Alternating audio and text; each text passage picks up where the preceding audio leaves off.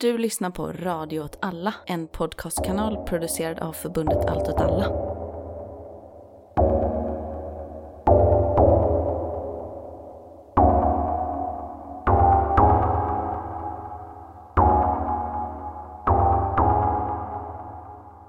Hej och välkommen till Rörelse eh, med eh, mig Martin Hansson och med dig Myran Andersson. Hej hej. Detta blir ett extrainsatt avsnitt. Vi släppte avsnitt idag, det här vi spelar in torsdag, klockan är nu åtta på morgonen. Du har varit vaken hela natten, jag har precis vaknat och som tur var råkar jag ha semester idag. Så Mm. eh, det är ju sportlov. Det är krig i Europa. Ja, verkligen. Riktigt krig. Mm. Det här konventionellt krig som vi nu har pratat om i ett par avsnitt när vi inte pratade om Bumbibjörnarna. Och vi har sagt att det är en klar risk, men att vi kanske inte trodde att det skulle bli så här ändå. Ja, precis. Det, att det är i princip omöjligt att förutspå den här typen av eh, processer, exakt var de ska landa någonstans. Min linje från början har ju varit att jag trott att Ryssland ska få det de vill med hjälp av det militära hotet. Jag förstår att man nu i efterhand när man tittar på det så kommer det framstå som att Ryssland aldrig egentligen var intresserade av att få som de ville. Jag tror fortfarande att så var fallet. Ehm, ja, då syftar jag ju på de här ökade nästan omöjliga kraven som ställdes. Eh, De sista var ju, pratar vi om i avsnitt vi släppte idag, som heter, eh, Avsnitt 63, det är nu fullt krig i Ukraina. det hette det. Jag döpte det till det nu, ja. Ja. Jag tog en liten swing på morgonen. Pratar vi om de här kraven som Ryssland ställde, det var väl de sista kraven, vilket ju i princip var total kapitulationskrav, alltså de skulle avmilitarisera sig och det var liksom så otänkbara. Jag tror att eh, Ryssland eh, för ett, kanske två veckor sedan bestämde sig för att eh, inte backa ner på sina krav och drog då slutsatsen av de reaktioner de hade fått från väst i allmänhet, NATO i synnerhet, var att det, skulle bli en militär operation. Eh, och då togs ju också beslutet med att eh, erkänna Luhansk och Donetsk. Ja, precis. Man får ju mycket intrycket att allting har varit väldigt väl förberett på ett sätt. Och det är ju såklart att man alltid gör planer för eventualiteter, alltså även ifall man tänker sig att Ryssland i den här situationen egentligen inte tänkte anfalla, så hade de ändå behövt göra en plan för om de skulle anfalla, som de kunde sätta till verket nu. Men finns ju många saker som liksom har tickat på i den här processen, som på något sätt möjliggör ett nästa steg. Så, eh, konflikten med de här utbrytarrepublikerna trappas upp. Ja, hur svarar man på det? Jo, genom att erkänna dem. Vad gör man nästa steg när man erkänner dem? Jo, man skriver ett avtal om att man ska hjälpa dem militärt ifall det händer någonting. Så händer det någonting, då hjälper man dem militärt. Alltså det har ju inte varit några stora avvikelser från ifall man skulle liksom skriva en plan för hur man skulle göra det här. Då har det ju ändå följt på, på liksom en logisk, naturlig följd, tänker jag. Ja, så jag tänker att man får komma ihåg för att ungefär för två veckor sedan så påstod ju Ryssland att de hade avslutat sina militärövningar, att de skulle dra tillbaka trupper från fronten och så. Sen gjordes ju inte det och det var ju typ världens sämsta maskerovka någonsin, eller bara var så, men de drar ju inte sig undan. Men jag menar, det har ju ändå varit något typ av försök att ge dubbla signaler och jag tror senast vi förrgår så sa de att de, diplomati var fortfarande en möjlighet och så. Men det, men det är det klart att i efterhand så framstår ju alla, i efterhand så går ju alla processer från ett omöjligt krig till ett oundvikligt krig. Absolut, såklart. Om vi ska prata lite om vad det som har hänt under natten. Eh, Mm. Du var ju vaken i natt, Eh, Ja. jag sov. Jag tänker att ingen kommer veta exakt vad som har hänt i natt förrän om en ganska långt tag när man liksom gör någon sorts samtida historieforskning på det här skeendet liksom. Men jag har ju ändå hängt med i vad som hände, vad man, fick, vad, vad man kunde följa på sociala medier och så medan Mm. det hände. Och det jag såg var väl då eh, redan igår kväll liksom, och under gårdagen egentligen, man såg det här uppspelet med eh, att de offentliggjorde det här avtalet då, eller den här begäran till Ryssland från de här republikerna om att ni måste militärt försvara oss nu ifall vi blir anfallna av Ukraina. Och sen så kom det ett påstående som sa att de hade blivit anfallna av Ukraina och att Ukraina då skulle ha försökt att bryta igenom deras linjer. Vilket, alltså de här då eh, skyttegravarna och så som finns mellan eh, republikerna, de här utbrytarrepublikerna och det ukrainskt hållna territoriumet, vilket ju framstod som en väldigt märklig påstående som man får anta var en lögn, liksom att det var inget ukrainskt genombrytningsförsök. Va? Nej, Det är inte, det, okej CIA, Ja. igen. ja, Det är din linje. Ja, Du men tror inte Ukraina försökte anfalla? Ryssland i princip då? Ja, Nej. Nej, det tror inte jag. Eh. Nej. Ja, Jag har ju en del oplockade gåsar och några på Twitter som kommer få äta rätt mycket eh, efter att det här faktiskt hände.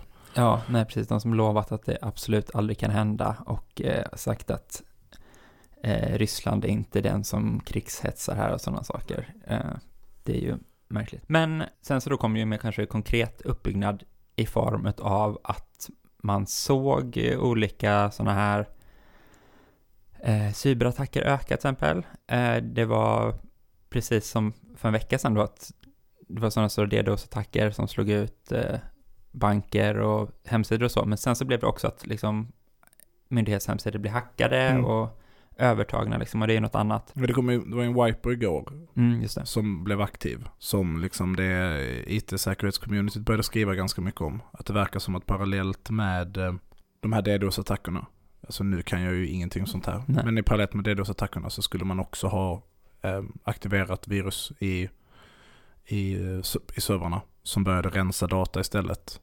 Aha. vilket ju aktivt med kanske skadar dem. DDoS plockar ju ner en, ett nätverk över en Det är då en överbelastningsattack som bara Precis. jättemycket trafik till en så att den inte klarar att hantera det med oss. Vilket ju kombinerat, kombinerat med liksom kinetiska anfall kan ju vara jätteeffektivt. Men det var ju inte riktigt så det skeddes utan, eller var inte riktigt det som skedde. Nej, och sen Precis, så, det påbörjade någon typ av cyberoperationer, även i ganska liten skala. Jag tror att man hade förväntat sig större. Det är också att vi kanske i efterhand får reda på omfattningen av dem och, och hur framgångsrika man var om att stoppa dem. Ja. För det här tror jag är en viktig dimension av att förstå det här. Att även om man beskriver Ukraina som helt hjälplösa, och vi kanske kommer komma till det, eh, så, Mm. så är de det i den rent liksom, eh, militärtekniska dimensionen av den här konflikten. Att de är hjälplösa på sättet att de inte kommer vinna det här kriget. Eh, I alla fall inte på mil- den militära dimensionen. Däremot så är det ju uppenbart att Ukraina faktiskt försöker göra så gott de kan, om man kan uttrycka det på det sättet. Och, och därför kommer man ju se motdrag precis, och det kan ju ha varit ett sånt omfattande när det gäller cybersäkerhet. Sen tänker jag att det fanns ganska många tecken på att Ukraina visste att det skulle ske i natt liksom. Eh, och eh, ett av de tydligaste var ju att man stängde av massa flygplatser ganska tidigt, började stänga flygplatser och köra ut liksom olika fordon, typ traktorer och så, ställa på landningsbanorna så att inte ryskt flyg skulle kunna landa och landsätta trupper med de landningsbanorna liksom. Eh, sen så skedde ju olika typer av artilleribeskjutningar och sånt, men det har ju skett under hela konflikten, men intensiteten i dem verkar ha trappats upp och bedöma av hur liksom man kunde följa rapporter på sociala medier. Sen så fanns det också andra, vad ska man säga, saker att följa, indikatorer på något sätt. Och det tycker jag vi kan prata lite om, att det liksom nästan känns som att det är en ny fas av krig, liksom, när det är ett så här, eh, liksom, moderniserat, modernt land som Ukraina är, eh, ändå, hur det liksom då kan man följa på till exempel en Google Maps, eh, deras trafikstockningsfunktion, så. Mm. Och då kunde man se liksom trafikstockning. Då började det krypa ner från den här ryska staden Belgorod eh, mot eh, Charkiv som ligger precis på den ukrainska sidan. Och sen så lite innanför där ligger Poltava och så som man vet ungefär vad det kanske. Och eh, den liksom trafikstockningen såg man liksom röra sig. Först var den så här, när jag kollade första gången så var den 13 kilometer bort. Till, mellan gränsen liksom. Jag tog så här Google mätverktyget, bara mätte hur långt det var till trafikstockningen. Sen var den 10 kilometer bort, sen så var den 5 kilometer bort, sen så var den 1 kilometer bort från gränsen. Och vad är det som orsakar en trafikstockning från Belograd ner till den ukrainska gränsen? Och då vet man också att Belgrad har varit en av de städer där man satt väldigt mycket videos som folk har bara filmat själva då på eh, ryska eh, pansarfordon och olika saker, olika slag. Och det blir liksom, ja och, och, även den här flight radar, liksom olika, det finns ju olika sajter som följer olika flygplan. Då kunde man ju följa i det hur det ukrainska luftrummet tömdes. Det har inte varit mycket flyg där på senaste, men nu blev det liksom flyg som vände om, som var på väg dit, civila flyg som var på väg till Ukraina vände om. Eh, den här Global Hawk, som är den här drönaren USA har för övervakning, som det i princip funnits två stycken av dem som har turats om och cirkulera över Ukraina dygnet runt i princip på senaste tiden. Den liksom hade en normal patrullinje och sen så bara väckte den av och Ja, ut. Och att igår kväll var det två stycken Global Hawks uppe samtidigt. Alltså det är RK4 vi pratar om som är liksom en strategisk eh, theater-nivå eh, spaningsdrönare som används liksom precis till att eh, se truppförflyttelser. Eh, tänk eh, minisatellit kanske man kan säga. Ja, precis. Och USA har inte gett mig, de har 45 stycken sådana i världen liksom. Och de är de svindyra. kostar typ en miljard styck Ja, liksom. ja. Det är helt bisarra pengar. Ja, men den vek liksom bara av och körde ut från Ukraina. Som man vill få tänka sig att de vill ju verkligen inte att den ska bli nedskjuten då av Ryssland och de ska komma över den tekniken och bara den förlusten jag förlorade flygplanet liksom. Så det var också ett tecken på varför drar de sig ur just nu liksom. De stängde av det här Kerch-sundet Mm. som går mellan Krim och Ryssland liksom. Så man kunde se då på den marinetraffic.com eller vad det heter, att det bara stockade upp massa fartyg på varsin sida av sundet. Just det, liksom. det är det som leder in i Azovska hav. Ja. Azovska, Azovska sjön. Precis, Azovska sjön så eh, upp till eh, Mariupol till Mm. exempel, den ukrainska staden, eh, ligger ju inne i det vattnet liksom och så. Så alla de här sakerna gör ju, möjliggör ju liksom för dig och mig i princip att följa liksom, vi förstår inte exakt vad som händer, men man förstår att någonting händer. De här sakerna, det blir inte bara en trafikstockning mitt i natten, så långsamt rör sig mot Ukrainas gräns. Båtar måste inte plötsligt stanna, eh, flyg försvinner inte bara. Och det tänker jag på något sätt, Vietnamkriget är första kriget där det sänds tv ifrån va? Mm. Att, att det finns tv-spelare man får se det. Kuwaitkriget är kanske första kriget där det är direktsänd tv. Ja, men liksom, brukar från- man väl säga. Och så är det där, allt det där är ju lite komplicerat. ja, men där media spelar, media spelar en avgörande roll brukar man säga att Vietnamkriget är det första kriget. eh, Där liksom, och man har någon typ av objektiv rapportering på något Just sätt. Och sen så kommer liksom inbäddade journalister i, i Afghanistan eller Irak, Irak, ja. ja. framförallt brukar man väl prata om det. Men nu är det liksom inte beroende av journalisterna längre, utan nu är det liksom bara de informationsflöden som finns i världen generellt kan läsas av, liksom, eh, Ja, det är ju jättespännande. Och, och eh, inklusive då att folk filmar saker Mm. själva och att man kan sitta på Twitter och följa människor som samlar ihop all den här informationen och liksom också dubbelkolla den då med att geolokalisera att en video verkligen är från den platsen där den sägs vara tagen och kolla på metadatan i en film för att se när den är inspelad och sådana saker. Liksom att det, det ändå förändrar vår förmåga att komma närmare vad, nära vad som hände på ett sätt. Liksom. Ja, och samtidigt så handlar det ju om att de här sfärerna är ur led. De här axlarna är ur led. Och nu vill jag knyta tillbaka, det här blir en jättestor Mm. liksom, filosofisk fråga nästan vi inte behöver ta i det här specifika. Vi ska komma till själva krigsinsatsen nu. Men vi har ju pratat mycket om hur det både sker liksom en teknologisk förändring, där liksom de här ehm, Ehm, te- teknologiska landvinningarna på något sätt inte längre riktigt överensstämmer med hur det har sett ut tidigare under liksom den liksom kapitalistiska eran där man har haft eh, militärteknologin och legat i framkant och så vidare utan vi ser nästan tvärtom att den civila teknologin eh, rör sig snabbare än vad den militära teknologin gör. Det är e-, en sak, vilket vi då kan säga att det kanske till och med att eh, Google Maps trafikstockningsinformation är liksom ett bättre insamlingsmed, sätt att få in information kring stora förflyttningar av, av stridsfordon som du beskriver, jämfört med en satellit. För satelliten är bara några gånger på samma ställe. ehm, runt dimma, och- eh, ja. dimma eller annan liksom fri- friktion kan göra att ens eh, signalspaning inte blir så effektiv. Det är den ena parten. Men det andra vi också ser är ju hur de här samhälleliga sfärerna separeras ifrån varandra. Där liksom, där krig är någon typ av undantagstillstånd, där allting sker på ett annat sätt. Mm. Men samtidigt så sker liksom Twitter och uppdateringen av Twitter, det fungerar, det, det löper liksom vidare. Det går inte att göra riktig krigscensur längre. Alltså om man då jämför med Krimkriget som vi pratar om, eller första världskriget, alltså där man faktiskt kan kontrollera vilken information som flödar. Vilket ju i sin tur då lägger liksom ytterligare ett lager på allt det här som gör att det här också blir teknik som också går att eh, armera eller vapen Ja. weaponize på det sättet att du kan, kan du manipulera trafikstockningar till exempel. Kan du eh, Eh, kan en, en eh, hackergrupp då, om jag får säga det ordet, vilket jag vet inte varför det alltid låter så töntigt när man säger ordet hackergrupp, men en hackergrupp eh, kan ju framstå och kanske till och med göra kinetisk skada, alltså kan förstöra krigsmaterial och framstå som en statlig aktör. Mm. Så det, det är mycket Precis, saker som sker, som sker parallellt här som också förändrar slagfältet. Jag tycker att vi går vidare till liksom den, eh, den militära dimensionen och det som har skett. Du beskriver ju att det börjar med någon typ av eh, eh, cyberangrepp. Man börjar också kunna se att, att alla parter börjar göra sig redo på olika sätt Ja. för att det kommer. Alla vet om att det komma. Ukraina har genomfört en partiell mobilisering, det visste vi ett par dagar sedan. Ja, Det var väl igår, var det inte det? Så det är inte Ja, det kanske, eller om det, är, det kanske är igår eller om det är förrgår. Ja. Där de börjar kalla in sina reservister. Nu har de väl troligtvis genomfört en allmän mobilisering. Vi har ju pratat om begreppet Revolution in Military Affairs tidigare, RMA. Och det, det var ju mycket prat inför det här, och det vet vi har pratat om tidigare, att vi kommer få se en rysk version av detta nu. Ett ryskt försök att göra kanske en Kuwait eller ett Irakkriget 2004. Och det är ganska mycket det som händer just nu. Vi, vi ser att eh, det är mycket saker vi inte vet vad som händer, ska ju sägas. Eh, majoriteten läcker ju såklart inte ut, utan det sker liksom ändå. Eh, det, det, informationsflödet är ju helt stockat också. Alltså, Måste samma video jättemånga gånger för att alla repostar den och ja, och saker. att eh, massa falsk information. Vi har Ja. redan diskuterat innan till exempel, äh, trycker de mot Moldavien nu till exempel. Ja. Vilket ju de troligtvis inte gör. Men det är uppenbart att det försökte spelas upp. Antagligen ett försök att skapa liksom panik och motdrag. Eh, Så det som har hänt är att vi har sett kryssningsrobotar, ganska stora mängder kryssningsrobotar eh, som blivit fångade på film. Också väldigt ovanligt. Bisarrt att se de här filmerna där det flyger liksom en kryssningsrobot in i en stad liksom. Och så, Mm.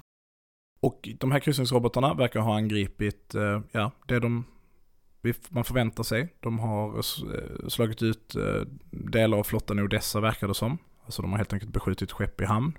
Eller attackerat hamnen i sig. Det är en annan hamn som ligger öster om Odessa. Som också har blivit angripen. Flygplatser.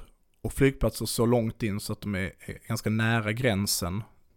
Ganska nära gränsen till Polen. Och eh, rapporter kommer in om att olika luftvärnssystem har blivit träffade. Och sen har vi ju sett ehm, eh, raketartilleri som ju antagligen är riktat mot ukrainska eh, truppkoncentrationer. För att, eh, har vi pratat om tidigare, men att man gör ju det för att liksom, det, det är både att det dör människor när man gör det.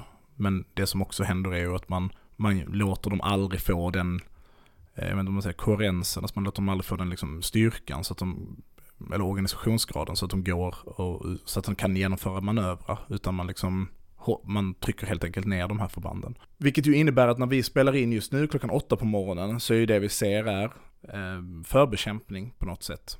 Och vi kommer väl se markstrider som börjar utspela sig ganska snart. Framförallt runt eh, Charkiv. Mm. Ja, men det verkar ju också vara då landstigningar i Odessa och Mariupol. Ja, jag Från- hittar inte jättemycket om det. Ah, Okej, ja. Men det, det ja. Ingen av de här uppgifterna det är också helt svårt hundra. för att det- man kan filma en robot som flyger i luften och man Ja. kan flyga ett flyg, filma ett flygplan eller en raketartilleri som blir avskjutet eller artilleri som detonerar. Det är betydligt farligare att filma en luftlands eller marklandstigning. Vi har också fått, det kom ju också in massa information om att det var strider vid flygplatsen i Kiev till exempel. Mm. Att uh, luftburna förband hade anfallit den. Det är också så. Det kan också stämma. Eh, det låter också jävligt farligt. Mm.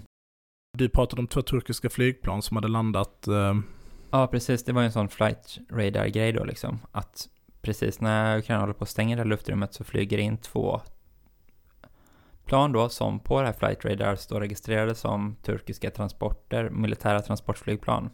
Och då var väl tanken spontant för många att det här är då Ukrainas sista inköp liksom. De köper någonting från Turkiet eller så som ska TB2-drönare liksom. levereras Mm. liksom. Och så går de ner och så lyfter de inte igen och så liksom. Och då är frågan vad som hände.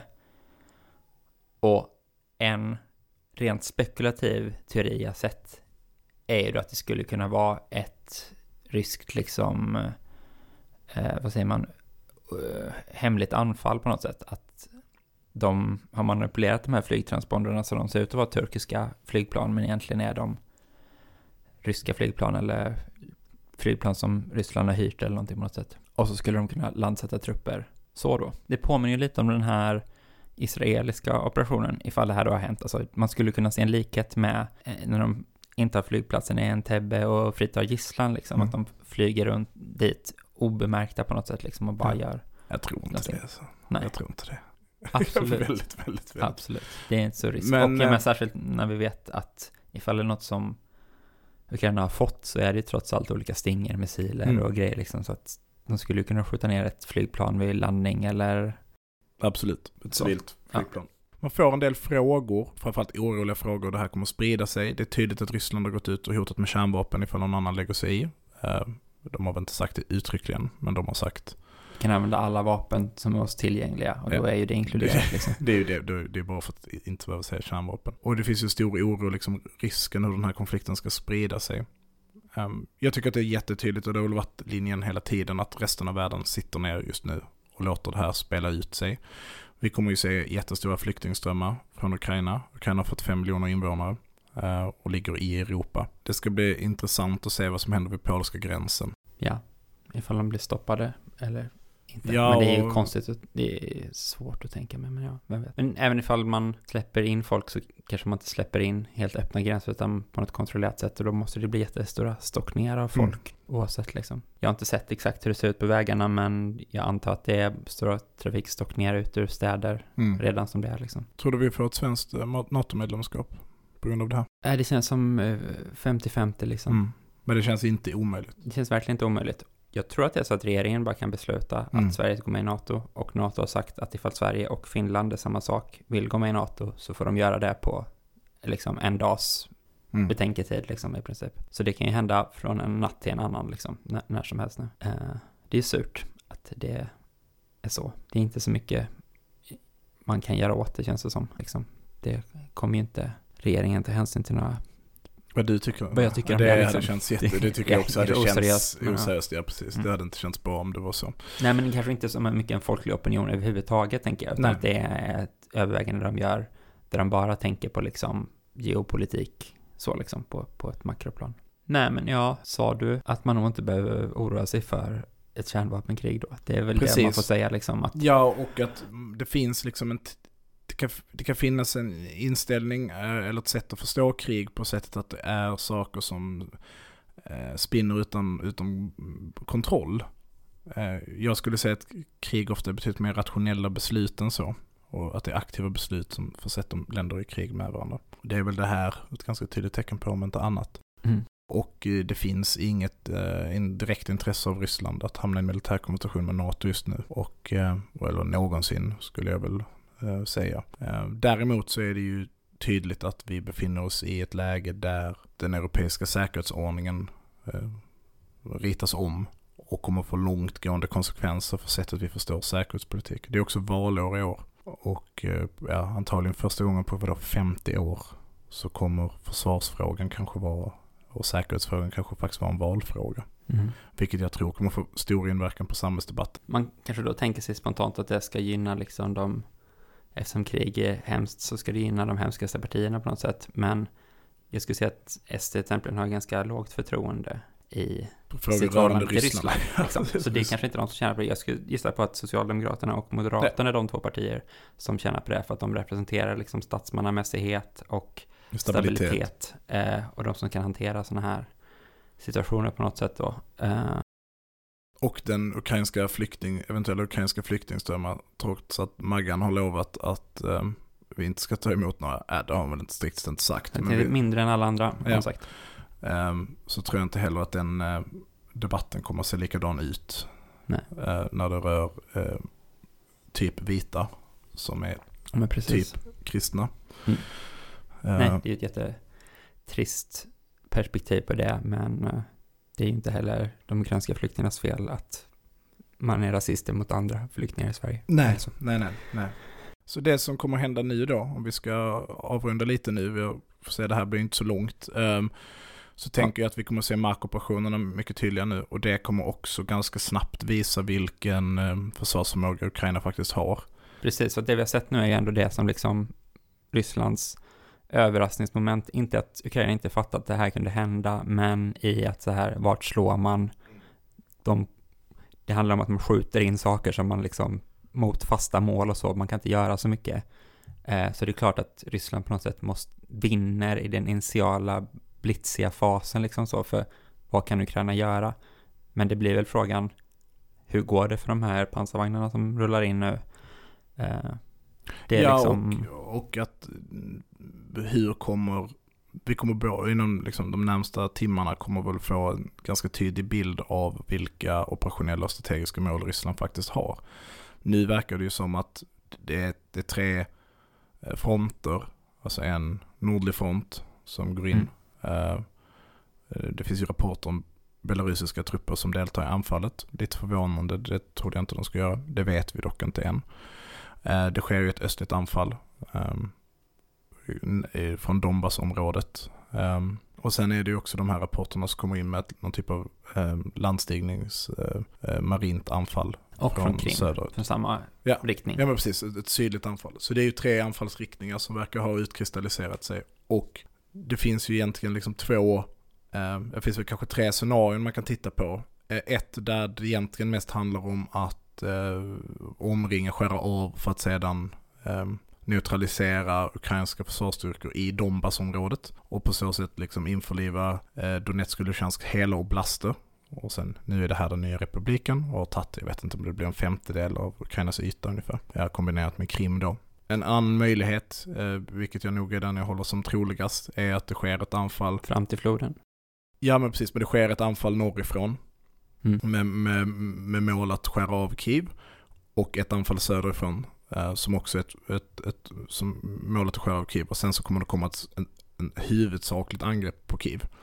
Så man har liksom en kniptångsmanöver man genomför. Men att det också är liksom någonstans i höjd med Kiev. Man slutar trycka västerut. För att när man någonstans har tagit ja, halva Ukraina. Den halvan med störst rysk befolkning ja. och ryskspråkig befolkning och störst stöd för rysk anslutning och så. Då kräver man då den här liksom villkorslösa kapitulationen från Ukraina och så skriver man de avtal man vill. Och sen är ju Ukrainas president är ju körd. Jag tror folkets som dom, politisk som, figur? Ja, som ja, politisk ja, ja, figur är han ju verkligen över nu. Och, ja. Man kan ju också fråga sig ifall det nu faktiskt sker den här flyglandsättningen eller vad det nu kan ha varit.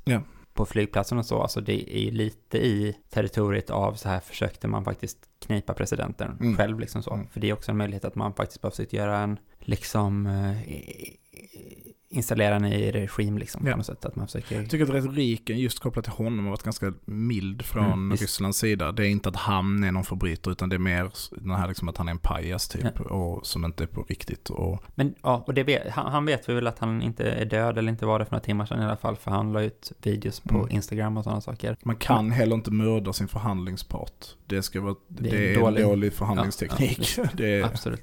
Men, men det jag skulle säga var att vi vet ju inte, det kommer väl också visa sig med tiden hur stor del av liksom den ukrainska ledningsförmågan som är utslagen mm. i det här stadiet liksom. Uh, för det kommer väl spela en stor roll för hur väl de kan forma sitt försvar. Mm. Eller så, ifall de har kunnat klippa militära eh, kommandopunkter och mm. liksom befäl och så. Eh, eller ja, precis, ifall den befälskedjan är intakt liksom. Mm. Det är ju en stor skillnad. Ja, och sen så tror jag också bara att man får vara vi kommer väl också se nu, och det ska väl folk vara uppmärksamma på, med mängden ryskt flyg som är uppe över Ukraina kommer vara en jätteavgörande faktor. Och än så länge har vi inte sett så mycket flyg. Det kan förklaras av många olika skäl. Men det mest troliga är att Ryssland inte bedömer att det är säkert att flyga än. Det, det sägs ju också att det har skjutits ner ja. fem flygplan ja, eller någonting. Men ja. det tror inte du på? Nej, det kanske ja. det har gjorts. Ja. Men det... Men du, ja, för Ukraina hade ändå satt upp de här bucksystemen vid I, fronten mot... Ja, precis, i Donbassregionen. Så, så mm, där kan det ju vara svårare för flyg och det kanske kan vara lättare på en annan Jo, men precis. Liksom. Ja. Men det är ju, om vi ska tänka Kuwait och Irakkriget, så borde de ha luftherravälde nu. Mm. Och bara slå ut. Jag, man har ju sett sådana antiradiationsrobotar. Rester av det som har rapporterats in och hittats. Alltså helt enkelt antiradarmissiler. Det heter det inte alls. Antiradarrobotar. Uh, alltså um, jag har sagt missiler flera gånger idag, jag är ledsen. Ja, och du har också sagt pansarvagnar. Behöver inte klippa bort. Men, men robotar som helt enkelt um, slår ut, söker sig och slår ut radarsystem. Och när det väl har hänt, alltså när Ryssland fritt kan börja använda sina Sukhoi 25 framför allt, så har jag ju svårt att se att ukrainska försvaret kommer kunna var organiserat som liksom en ja. militär så. Det kommer Men bli väldigt... barnstrid är väl en annan fråga. Precis, ja. bebyggelse blir ju, blir ju en, annan, en helt annan fråga. Uh, och då är det också då nästa, kommer Ryssland kunna göra liksom ett, en Grozny i Europa? Alltså att helt enkelt bara mala sönder städer tills det inte finns städer längre. Och också kommer de kunna göra det mot Ukraina med en rysk opinion ja, som ändå ser Ukraina som ett liksom broderfolk ja. eller så. Och vilka politiska förluster finns det för Ryssland att göra om de börjar skjuta termobariska robotar på Kiev? Ja. Och det är, ju, det är ju liksom den typen av massvåld som måste komma till stånd för att man snabbt ska, och nu säger jag snabbt inom situationstecken, för det är ingen, inget enkelt. Och de, det kommer också bli spännande att se vilka som blir liksom följ, följetrupperna nu. Mm. Vilka är det som går in efter de här BTG-erna och framförallt de eh, stridsvagns-echelonerna går in? Vilka trupper är det som går in för att säkra territoriet som är taget? Det finns ett riktigt tråkigt, hemskt scenario. Man kan tänka sig att eh, de här eh, liksom eh, miliserna i eh, de här utbrytarrepublikerna republikerna blir de som ska liksom hålla de erövrade områdena precis väster om sitt Mm. eget område och det är de människor de har krigat med åtta år som de hatar jättemycket. Så då skulle man kunna se Mm, Och det, är nog, fruktansvärda civila övergrepp liksom. och det är nog min gissning. Mm, att, det är det som kommer så. att bli så. Mm. Det är också att stora delar av Rysslands eh, eh, militärpolisförband är ju upptagna på annat håll. De är ju i Syrien och Kazakstan till viss del och Armenien och Azerbajdzjan. Ehm, Så de som är utbildade för att ändå hålla någon sorts ja, någon eh, civil liksom, nivå i liksom, sin ockupation eh, kan man inte ta så då får man ta vildbusar Ja, det var kanske därför Tjetjeniens eh, president reste till Moskva igår. Det Just kanske det. också kommer vi se att man använder till exempel tjetjenska trupper för att göra det. Eller då liksom de här kosack, frivilliga kosackförbanden till exempel. Och så. Just nu har vi inte direkt, jag har inte sett några siffror och inte några rapporter egentligen på döda civila. Jag är övertygad om att det måste finnas en viss mängd civila som har dött i alla de här Självklart. bombardemangen Mm. med liksom raketartilleri mot, kanske inte in i städer, men i närheten av städer. Ja, och så liksom, målen man har angripit är ju, visst de är väl militära i någon mening, men de är ju civilmilitära mål, liksom- alltså flygplatser, Ja. hamnar och så vidare. Ja. Och där det finns ju civilister. Men det finns ju också, Men det är ju ändå skillnad på det kanske urskillningslöst bomba bostadsområden och sådana Ja. saker liksom, och det vet vi inte. jag har sett det en, eh, en film på ett, eh, ett hus, ett civilt hus i, i utkanten av Charkov som är uppenbart träffat av typ ett raketartilleri eller så. Och Mm. det kan ju också vara från eh, separatist Just det. områden och så. Jag tänker att vi avslutar här. Och sen så försöker vi hålla oss uppdaterade för nu behöver vi gå tillbaka till Twitter och se vad som händer där. Och se om det är något nytt som har skett. Mm. Eh, tack så jättemycket för att ni har lyssnat. Eh, man kan följa oss på sociala medier. Där heter jag Trojkan1337 och du heter atslykol. Så där kommer vi antagligen uppdatera om saker vi ser och tänker om, om kriget. Ja. Fortsättningsvis. Vi ber om ursäkt för klippningen. Eh, jag hoppas ni har förståelse om att vi har- vill få ut detta lite snabbt. Ja, jag vet inte vad jag ska säga. Hoppas på en snabb fred. Ja. Mm. Gå in i din tid under en blodig storm Vig dig till strid Kanske du spör i angst Ur däcket åpen Vad skall jag kämpa med? Vad är mitt vapen?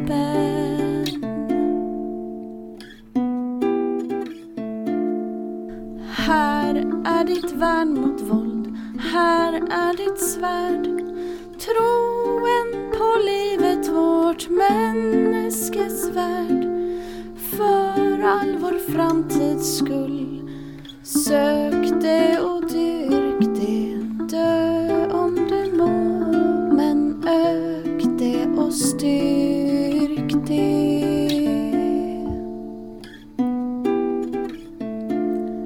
Stilt går granaternas glidande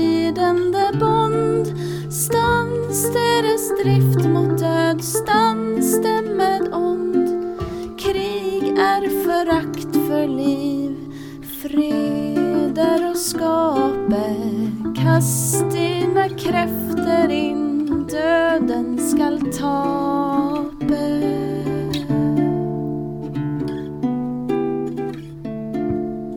Älsk och berik med dröm allt stort som var. Gå mot det ukänte, fravriste svar. Kraftverker, urkänte stjärnor Skapte med skånet livs dristige hjärnor.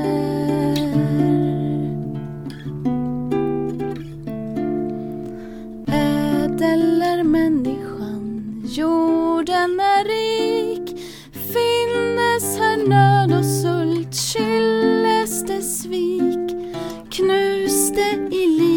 Namn skall uret falle solskin och bröd och ond ejes av all